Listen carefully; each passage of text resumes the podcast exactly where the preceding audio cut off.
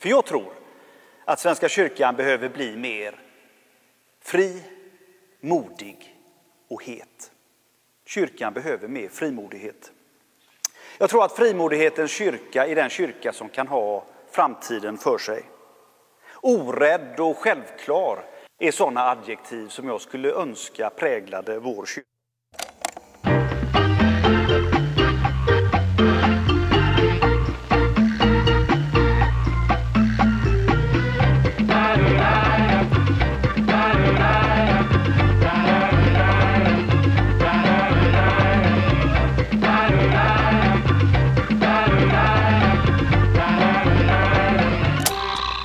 Lyssnar du på Reformera-podden och jag som sitter här är som vanligt Magnus Persson. Reformera-podden görs i samarbete med missionstidningen Budbäraren, EFS Sverigeavdelning och tankesmedjan Reformera. Nu två fredagar så har jag den stora glädjen att ha med mig Jonas Ek här i podden. Han är opinionschef för Kyrkans Tidning och levererar ständigt läsvärda och skarpa ledartexter.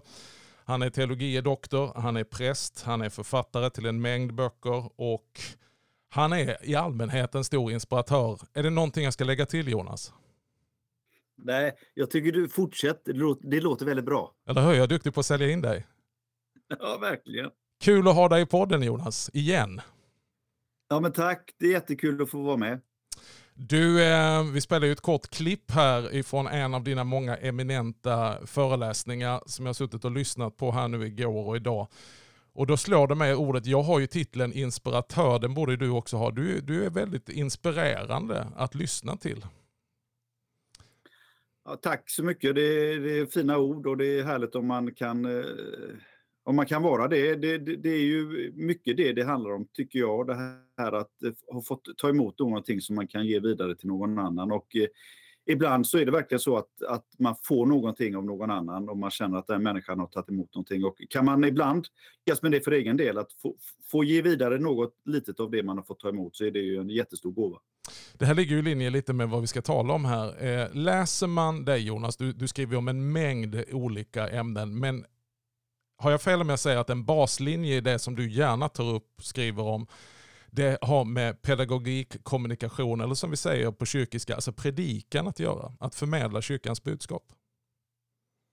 Nej, men jag tror att du har rätt. Jag tror att det är en baslinje i väldigt mycket av det jag, det jag gör. Jag är en väldigt kommunikativt intresserad person eh, på många sätt och på många olika plan, både, både liksom praktiskt men också teoretiskt. Eh, det första jag läste på universitetet var inte teologi utan det var faktiskt media och kommunikationsvetenskap. Det kan man, eh, det kan man så, ana lite. ja, men faktiskt. Eh, och jag var liksom länge inne på detta med, med journalistik och ja, kommunikation i, i bred bemärkelse. Sen så blev det teologin och men, men liksom mitt största teologiska intresse hamnade ju också kring det är precis som du beskriver, kyrkans undervisning, kyrkans förkunnelse, kyrkans sätt att föra ut sitt budskap. Så det, jag tror att du har rätt i att det är en baslinje i väldigt mycket av min förståelse för teologi och mitt intresse för kyrkan. Och sådär. Vi kan ju utan överdrift säga att det är också en baslinje när vi tänker i kyrka generellt och allmänt. Att det är svårt att tänka kyrka utan gudstjänst, svårt att tänka gudstjänst utan predikan. Och i synnerhet i en kyrka med evangelisk-luthersk tradition som verkligen är en ordets kyrka. Där vi som eh, präster när vi vigs får avge löftet att rent och klart förkunna evangelium enligt Guds ord och så som våra bekännelseskrifter vittnar om dem. Så det är liksom en, en intim del. Men du har med anledning av det uttalat dig ungefär så här och sagt att predikans pedagogik, är den tärande eller är den bärande? Vad menar du med det? Nej, men jag tror så här. Va? Eh, alla, alltså alla har en, ungefär som moral. Va? Alla har en moral. Det kan vara en bra moral eller dålig moral. Men alla har någon form av moraluppfattning. Antingen bryr man sig jättemycket eller så, så skiter man i det. Men det är också att ha en moral. Det är samma med pedagogik. Alla är har, har, någon form av pedagogik, men den kan vara bra och den kan vara mindre bra. Mm. Eh, men jag tror att det är väldigt viktigt att se det, att, att också den som är pedagogiskt helt ointresserad eh, ger ändå uttryck för då en pedagogik. Va? Mm. Eh, risken är att den är opedagogisk då. Mm. Eh, så att, eh, och, och där tror jag att, att mycket av det som vi gör i kyrkan kan, kan bära det andra vi gör. När orden eh, får gestaltning i andra språk eh, till exempel. Men det kan också vara så att ibland kan det vi säger tära på det andra. Att vi kanske, till exempel med konfirmander, så är ju erfarenheten att vi ofta gör jättemycket bra grejer med konfirmander. Mycket som funkar och mycket som verkligen flyger. Men så kanske gudstjänsten i allmänhet och kanske predikan i synnerhet kommunicerar inte alls med konfirmander och då kan det faktiskt inte bara det att det inte bär utan det kan faktiskt bli att det tär. Mm. Att det liksom förtar lite av allt det andra goda vi gjorde. Du, om man ska titta på, det görs ju jämt och ständigt undersökningar om sånt här och man, man frågar efter vad är det folk vill erfara när man lyssnar till en predikan. Vad är då en pedagogik som bär istället för att tär? Om du ska sammanfatta det kort. Eh, jag har inte sån, sån överblick över all, allt det som skrivs och allt det som forskas kring ämnet. Men, men, men, men det jag tror är viktigt att se det är så här. Om vi, om vi börjar med, med, med den pedagogiska frågan, vad är pedagogik? Och då kan vi ha mer eller mindre fullödiga eller fluffiga och vackra formuleringar för det. Men jag tror att en av de bästa definitionerna som jag har för pedagogik, som jag har funnit, det är helt enkelt att pedagogik handlar om att strukturera ett innehåll. Punkt. Pedagogik är att strukturera ett innehåll. Du har ett innehåll. Du har ett ärende, du har ett ämne, du har ett syfte och det innehållet ska kommuniceras och då måste du strukturera det. 1, 2, 3 eller ABC eller inledning, mellandel och avslutning eller förfluten tid, nutid och framtid. Ja, du kan mm. strukturera på olika sätt men det är det som är pedagogiken. Det, mm. det, det är det första. Det andra är då med kyrklig pedagogik eller med all pedagogik eller förkunnelse som har med att, att, att någon på något sätt har någonting att berätta för någon annan. Då är det ju den personliga eh, trovärdigheten mm. som är avgörande. Vi lever i en tid som rivit ner eh, auktoriteter och som inte är särskilt imponerade av hierarkier. Mm. Eh, det är väldigt svårt att tala till någon utifrån sin position. Utan du måste som person eh, eh förtjäna eh, trovärdigheten och sådär. Så att jag tror att pedagogik handlar om att strukturera med ett innehåll och en kyrklig pedagogik handlar om att på något sätt förtjäna eh, ett, eh, ett mandat. Och det handlar inte om att jag ska vara duktig och förtjäna utan det handlar om att jag ska vara ärlig, jag ska vara autentisk, jag ska vara trovärdig. Just det. Så vi skulle kunna titta på det här både utifrån att det finns ett innehåll som är substantiellt och angeläget, men också hur det förmedlas och eh, skapar någon form av koppling och beröring i människors situationer. Det är klassiskt att bygga den här bron ifrån vårt ärende, vårt budskap, men så att det också faktiskt landar hos våra mottagare. Mm. Och, och, precis så. Och, och, och eh, du säger substantiellt och, och, det där tror jag också är viktigt att det finns ett substantiellt innehåll så finns det också ett strukturellt innehåll och det är huret. Va? Mm. Substantiellt handlar om vad är det jag ska säga och det strukturella handlar om hur säger jag det. Mm. Och de två eh, behöver harmoniera. Va? Mm. För att gör de inte det så, blir det, så, så, så, så motsäger de varandra i risken och då hör man inte riktigt vad man säger. Va? Mm. Därför att det strukturella är överordnat det substantiella.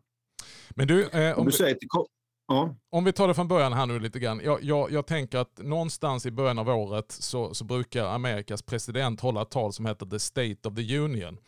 Och nu tänkte jag att nu ska vi köra, eh, eh du får liksom ikläda dig den här rollen eh, eh, och tala om the state of the pulpit. Alltså vad är predikans ställning och tillstånd idag om vi tar Svenska kyrkan. Och nu, nu begär jag inte att du ska ha fullständig överblick, men jag tänker att det här är en fråga som berör dig. Vad, vad är predikans ställning? Den, den, har ju traditionellt en otrolig ställning eh, rent teoretisk i vår kyrka. Men, men när du tittar på predikan idag, vad, vad, hur skulle du bedöma tillståndet?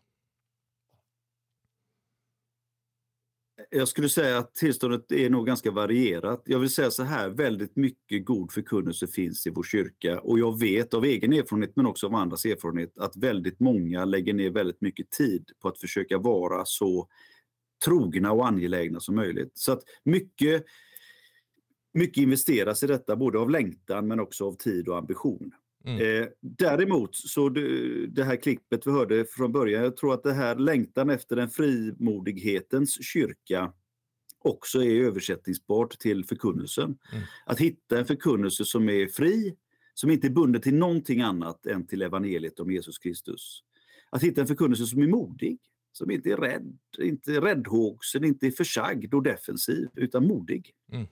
Och att hitta en förkunnelse som är het Mm. Som värmer, men som också som... Alltså man vågar inte säga det efter pandemin, Magnus, men tänk en förkunnelse som smittar. Mm. Som har någonting att komma med som folk kan bli bärare av och bära vidare till andra. Så att en frimodighetens förkunnelse är väl en längtan som vi alla har. Eh, och eh, hur, hur, skapar vi det då? Ja, det finns naturligtvis tusen sätt att göra det och det viktiga är att du hittar ditt sätt. Därför att om vi ska ta det på allvar, det här med autenticitet och trovärdighet och att man bottnar i det som är en själv, så måste man ju någonstans börja i sig själv. Men det betyder inte att man inte kan bli bättre och inte man kan utvecklas och sådär. Va? Och då tror jag att, att eh, då kan vi gå tillbaka till, till ordet homilia. Eh, som ju eh, vi översätter med predika, men egentligen handlar ju det om ett... Eh, ordet handlar ju om samtal. Homilia är ett samtal. Eh, det är ett bibelord som utläggs i situationen. Det är bibelordet i funktion. Om vi tittar oss runt omkring, du och jag sitter i den här podden, detta är inte den enda podden som finns i Sverige, även om ni kanske hoppas det på Reformera-podden. Men hela, ja, men tillvaron är full av poddar. Mm. Eh, Tv-tablån är full av samtal där man ska få prata till punkt och man blir inbjuden till sin egen sanning och till Renés brygga och allt vad det är. Vår tid längtar efter samtal. Mm. Eh, och tänk då att vi mitt i vår gudstjänst har ett, har ett bord, men vi har också ett samtal. Hela Luthers idé handlar om bordsamtalen. Vi sitter och äter tillsammans för vi behöver ha ett samtal. Så att vår tid längtar efter samtal. Och homilian är ett samtal. Men det är inte ett samtal om vilken skit som helst, utan det är ett samtal med ett bibelord i mitten. Så det skulle jag ju också önska att vi Ibland, så, ibland, om man får vara lite kritisk, så är det lite den här tendensen. Vet du, med, med anledning av dagens text så tänkte jag predika över någonting annat. Eh, i, i, ibland är det så, va? och ibland har jag gjort det själv också. Men jag skulle vilja att vi tog bibelordet på större allvar och faktiskt la ut det i vår predikan ändå lite mer. Hur, hur låter en predikan eller hur framställs en predikan? Beskriv en predikan som berör Jonas Ek när du sitter som kyrkobesökare. Vad är viktigt om du försöker förenkla detta och generalisera? Det här är svårt det här är svårt som sjutton. För därför att jag är, mina tankar flyger och jag tror inte jag är så annorlunda på det. Jag hörde en gång, jag vet inte om det är sant, men Melanchthon och Luther hade snackat någon gång och då hade Melanchthon eller Luther sagt till den andra att om du kan läsa hela Fader vår utan att tankarna flyger förbi, flyger iväg någon om du kan läsa Fader vår rakt igenom, då ska du få en häst av mig eller vad det var. Eh, det blev ju ingen häst. Va? Nej, nej. Jag menar tankarna flyger och jag är expert på det och jag får så mycket associationer. Så att jag är nog en predikolyssnare, tror jag, som de flesta. Men mm. jag vill gärna ha ett, ett anslag i nuet. Jag vill ofta börja i nuet. Eh, och sen så går jag gärna till bibeltexten och, och kommer tillbaka till nuet. så att säga. Det, det, det, det, är en, det är en dramaturgisk kurva som passar mig. Eh, jag är inte lika förtjust eh, om man börjar i Chrysostomus eh, eh, och hans förståelse av, av lagens tredje bruk. Eh, det kan man gärna komma till det, men då måste jag någonstans ha en ingång till Chrysostomus och lagens tredje eller fjärde bud, eller bruk eller vad det kan vara. Du, vi ska alldeles strax eh, återvända och tala om eh, kyrkans traditioner, så vi ska spänna tillståndet mot den tradition som vi härbärgerar. Vi är alldeles strax tillbaka.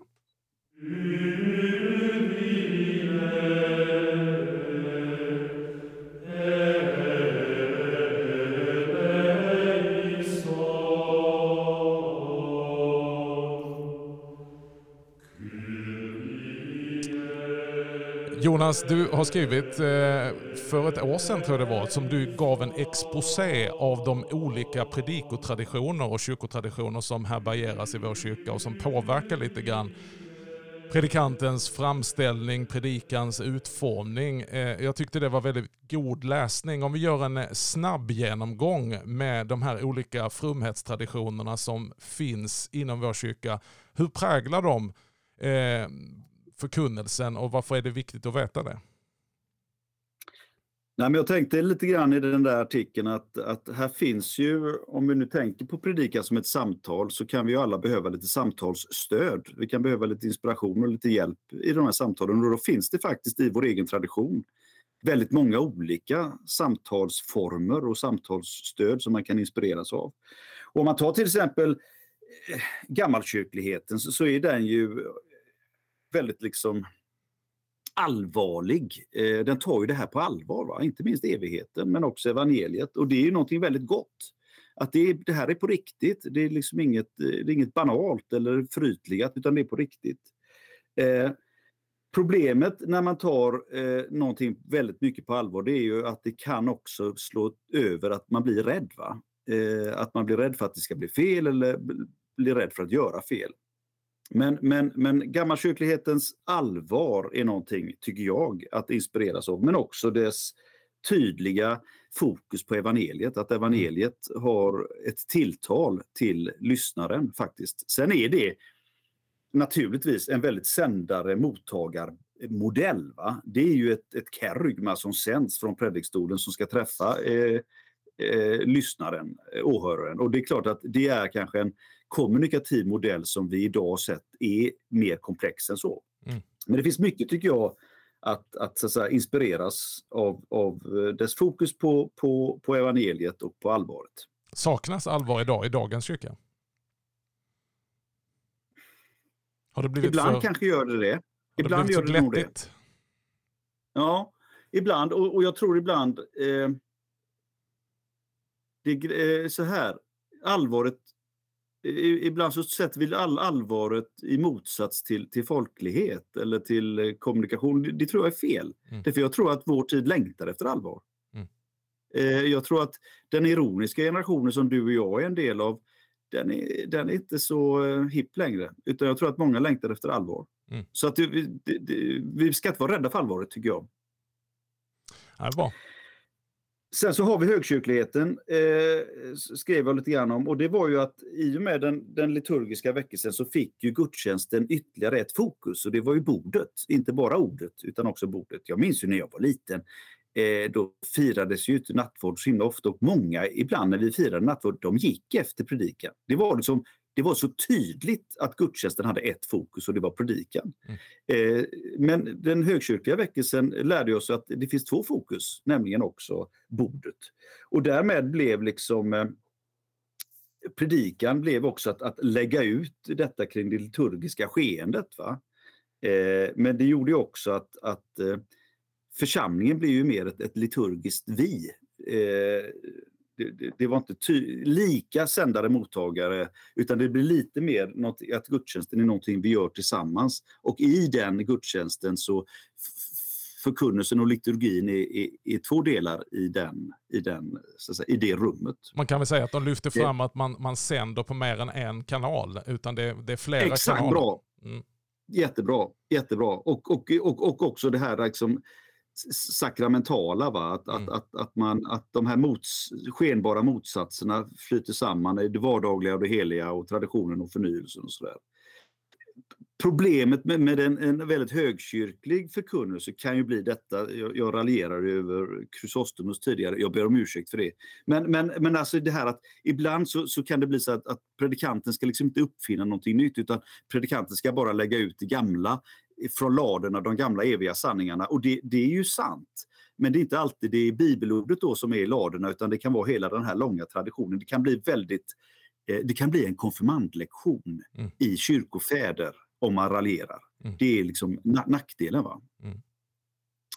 Eh, man behöver inte hålla med Magnus, men ibland men, kan det bli så. Nej, men jag, jag, jag tycker det, det, det, är en, det, en, det är en jättebra exposé över de här olika och då, då, måste vi också syssla med lite grann ytterligheter och, eh, och fördelar. Lite så, lite så. Och om vi då efter gammalkyrklighet och högkyrklighet kommer in på, på, på lågkyrkligheten så är det ju eh, precis liksom som om, om gammalkyrkligheten präglades av evangeliets allvar och högkyrkligheten lite grann om gudstjänstens helhet och trons sammanhang så, så är liksom inlighet kanske det ordet som, som, som präglar den lågkyrkliga förkunnelsen och bakgrunden då i pietismen och, och Rosenius och, och sådär i era EFS sammanhang och sådär. Och, och det som är eh, bra med detta det, det är ju att det, det, blir relevant för individen. Det handlar om mig. Mm. Det handlar om mitt liv. Alltså det, det är hjärtat som är trons centrum. Eh, och det är någonting eh, gott i det. va eh, Och eh, det är ofta då en bot och frälsningsglädje som kan kombineras i detta tillsammans med en ganska så säga, bibel, central förkunnelse som ibland kan bli biblicistisk. Mm. Eh, och vill man slå över den här i, i, dess negativa pool så kan man väl säga att ibland så kan den bli väl känslomässig. Och den kan bli som sagt biblicistisk där man faktiskt inte gör där man i mitt tycke förminskar bibelordet till att vara enskilda verser istället för den stora helheten. Så det, och så kan den bli liksom i sin bot också väldigt konkret. Va? Mm. Väldigt konkret. Eh, och det kan ju både vara hjälpsamt och också försvårande. Så att säga. Mm. Men den stora poängen är ju att det faktiskt förkunnelsen betyder någonting för den enskilde. Mm. Eh, och att det är viktigt för mig och mitt liv. Det är ju härligt. Här finns väl också olika traditioner vad det gäller längd. Så att i högkyrkligheten så tenderar predikan att bli ett litet kort förspel till det viktiga, nämligen det som sker vid bordet. Medan i lågkyrkligheten eh, traditionellt historiskt i bordets frånvaro så, så är ju predikan liksom huvudrätten. Eller det är både förrätt, huvudrätt och efterrätt. Liksom. Och kan tendera att bli väldigt lång, eller hur? Ja, men det kan det nog bli. Det där har du nog mer erfarenhet av än jag, men, men det kan jag tänka mig. Ja. Mm. Och, det kanske har också med hjärt, fokus på hjärtat, att hjärtat kan det behöva knådas ibland lite för att eh, komma liksom, eh, i rätt stämning. Men du, in, innan, vi, innan vi fortsätter med nästa tradition Jonas, har du någon, har du någon eh, pedagogisk kommunikativ inspel på predikans längd? Nu är vi nere på en väldigt basic men väldigt avgörande ja. fråga. Eh, ska en predikan i en högmässo, alltså vi talar om gudstjänstsammanhang nu då, eh, Ska det vara fem minuter, tio minuter max? Alltså vad är, finns det någon bortre gräns? Eh, finns det någon undre gräns? Vad, vad är din erfarenhet? Man hör ju ofta så här ibland, de har gjort undersökningar så säger man sju minuter kan folk hålla fokus och tolv och sådär. Man hör lite olika.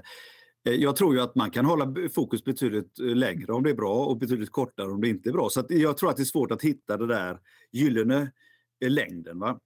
Men, men jag tror att det kan finnas en gyllene längd på gudstjänsten som helhet. Därför att det får inte ta för lång tid. Mm.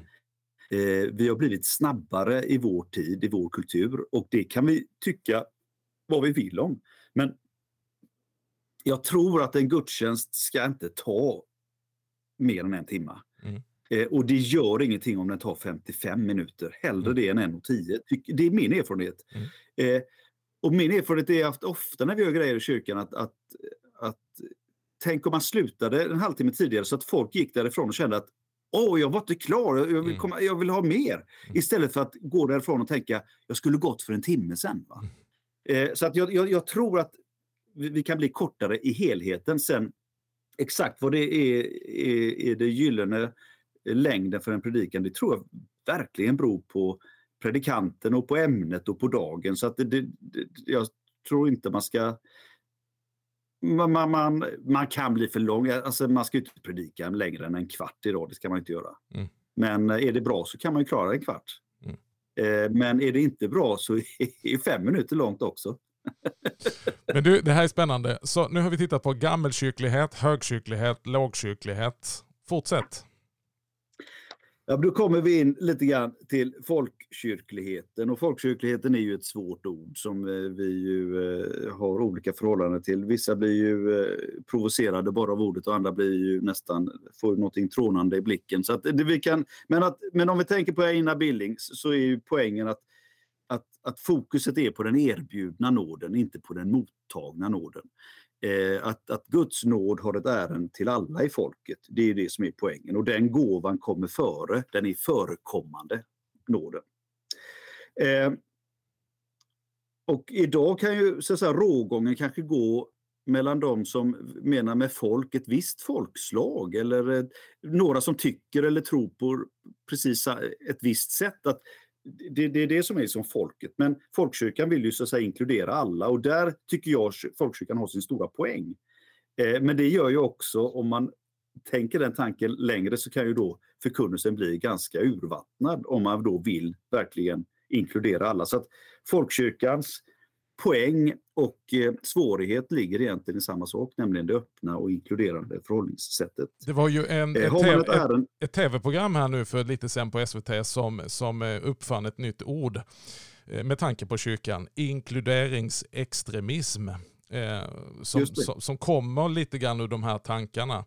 Är det ja. risken att om vi tänker folkkyrkan utifrån predikan, att det blir så allmängiltigt att det jag älskar tanken, så jag är, jag är en stor fan av tanken eh, med Mm. tillgängligheten och tillhörigheten. Men kan det predi påverka predikan så att eh, ibland så ställer sig folk ute på gatan så att säga, så här, men har kyrkan överhuvudtaget något ärende som är unikt för kyrkan? Nej, men jag, tror att, jag, jag tror att det, det sätter fingret på det. Jag tror att folkkyrkan har en balansgång att gå hela tiden. Och, och blir betoningen för mycket på, alltså, på folk, va? Eh, Då, då, då, då blir det inte så mycket kyrka kvar. Men blir betoningen väldigt mycket på kyrka så är risk, och den rätta läran, då är risken att kyrkan inte får någon koppling till, till folket längre. Va? Så det, det handlar om att balansera folk och kyrka och hålla samman de två. Mm. Att vi både är folk inkluderande, men vi är faktiskt en kyrka, det är inte Folkets hus. Mm. Utan att vi är en kyrka också. Så jag tror det. Och jag tror att i sina bästa stunder så kan ju en folkkyrklig predikan då ösa ur hela folkkyrkans repertoar. Eh, Men i dess sämsta stunder så öser den inte ur något. Mm. Är du med va? Ja, just det. Eh, eh, att, Det blir bara eh, en megafon av de tankarna som redan finns på torget. Exakt, exakt. Så, att, eh, så, så tror jag att, att, att folkkyrkans predikan är, är, är så att säga, en möjlighet men också en, en svårighet beroende på vi- vilken ansats man väljer. Men poängen är att försöka hålla ihop både det inkluderande men också det kyrkliga. Men du, mot bakgrund av de här... olika bra. mot bakgrund av de här olika typiska kyrkliga traditionerna så har vi då en progressiv rörelse. Nu, nu går nästan vår tid ut, men jag tycker det är viktigt att få med den innan vi ska fortsätta ett avsnitt till. Eh, vad präglar då den progressiva, ska vi kalla det för traditionen eller strömmen? Ja, men det som, det som jag tyckte var intressant när jag tittade lite grann på detta, det är ju just att den progressiva teologin har ju också så att säga sitt fokus i hjärtat, precis som den lågkyrkliga förkunnelsen faktiskt har. Men det kanske inte är så mycket på boten och bättringen utan snarare bekräfta att du är älskad, du är Guds barn, du är viktig, du är värdefull. Och det är väldigt mycket av svenskkyrklig predikan idag. Eh, Den progressiva eh, teologin strävar ju också efter att hitta nya språk. Istället för synd så talar man om hunger, till- brustenhet, exil. Istället för frälsning talar man om ljus och värme och mat. Så, att, eh, den progressiva teologin eh, strävar efter att hitta nya språk, vilket jag tycker är ganska trevligt. Mm. Eh, trevligt, det var ett dumt ord. Det, det, det, det, är en ansats som jag som kommunikativ och, och pedagogiskt intresserad eh, tycker det är, är vettig, va? om man inte så glömmer de gamla orden, men att man ändå för, försöker översätta.